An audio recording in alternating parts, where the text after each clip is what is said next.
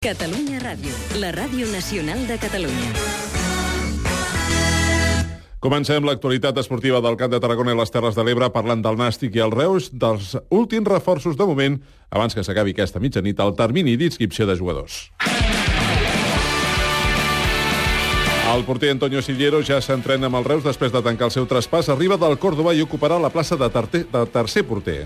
Bueno, pues de, de esta nueva etapa lo que espero que, que todo vaya bien, que, que bueno, que, que me respeten eh, las lesiones y que, y que consigamos eh, lo importante, ¿no? Tanto el objetivo colectivo y, y, el, y el individual. Así que bueno, eh, espero que, que sea una gran temporada en esta temporada tan ilusionante aquí en, en Rec. Al Nàstic, el migcampista sarrià Miguel Ángel Cordero ha firmat un contracte per una temporada amb opció a una altra. Cordero va jugar la temporada passada amb l'AEK Atenes a la primera divisió grega. A l'entrenament d'aquest matí, el lateral del Nàstic Gerard Valentín ha dit que no creu que l'equip hagi d'estar pressionat pel fet d'haver empatat els dos primers partits de Lliga. Al vestuari estem tranquils. El que hi hagi fora ja depèn de cada un, però al vestuari estem tranquils. Si guanyéssim a Llevant no crec que estiguéssim gaire, estaríem ja a dalt, o sigui que no crec que sigui per tant per tant rebombori que s'està creant a l'exterior, la veritat. Però bueno, al final és la jornada 3 jo crec que l'afició el que s'ha de dedicar és a ajudar, sempre intentar ajudar a nosaltres, que ens, ens vindrà bé.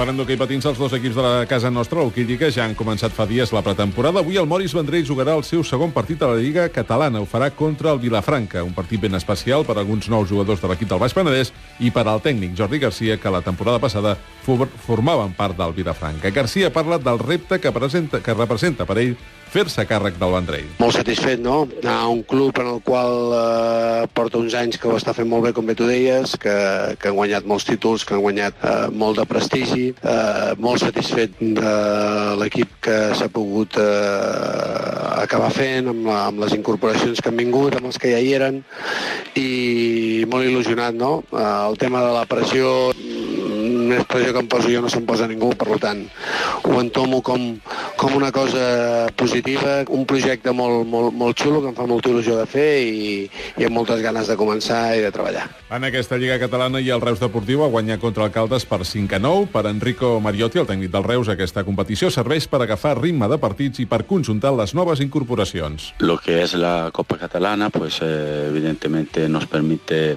jugar unos partidos ya con una condición de, de jugarnos un título, ¿no? La exigencia es máxima y somos conscientes de esto, estamos acostumbrados a este tipo de, presión, de, por lo tanto los partidos que hemos jugado hasta ahora han servido para juntarnos en una filosofía de juego. Llevamos solo dos semanas y se ve que el equipo tiene mucha llegada a portería i tiene buena adaptación defensiva. Per cert, Mariotti està prou satisfet de la feina feta fins ara pels seus jugadors i creu que arribaran prou bé a la Supercopa d'Espanya d'aquí dues setmanes.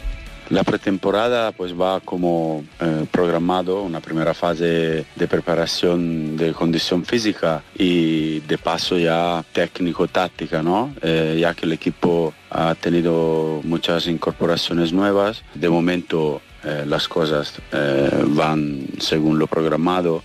Eh, estoy, estoy muy contento, muy satisfecho de la gran profesionalidad de los jugadores. Nos queda un, un par de semanas antes de empezar la temporada con la Supercopa.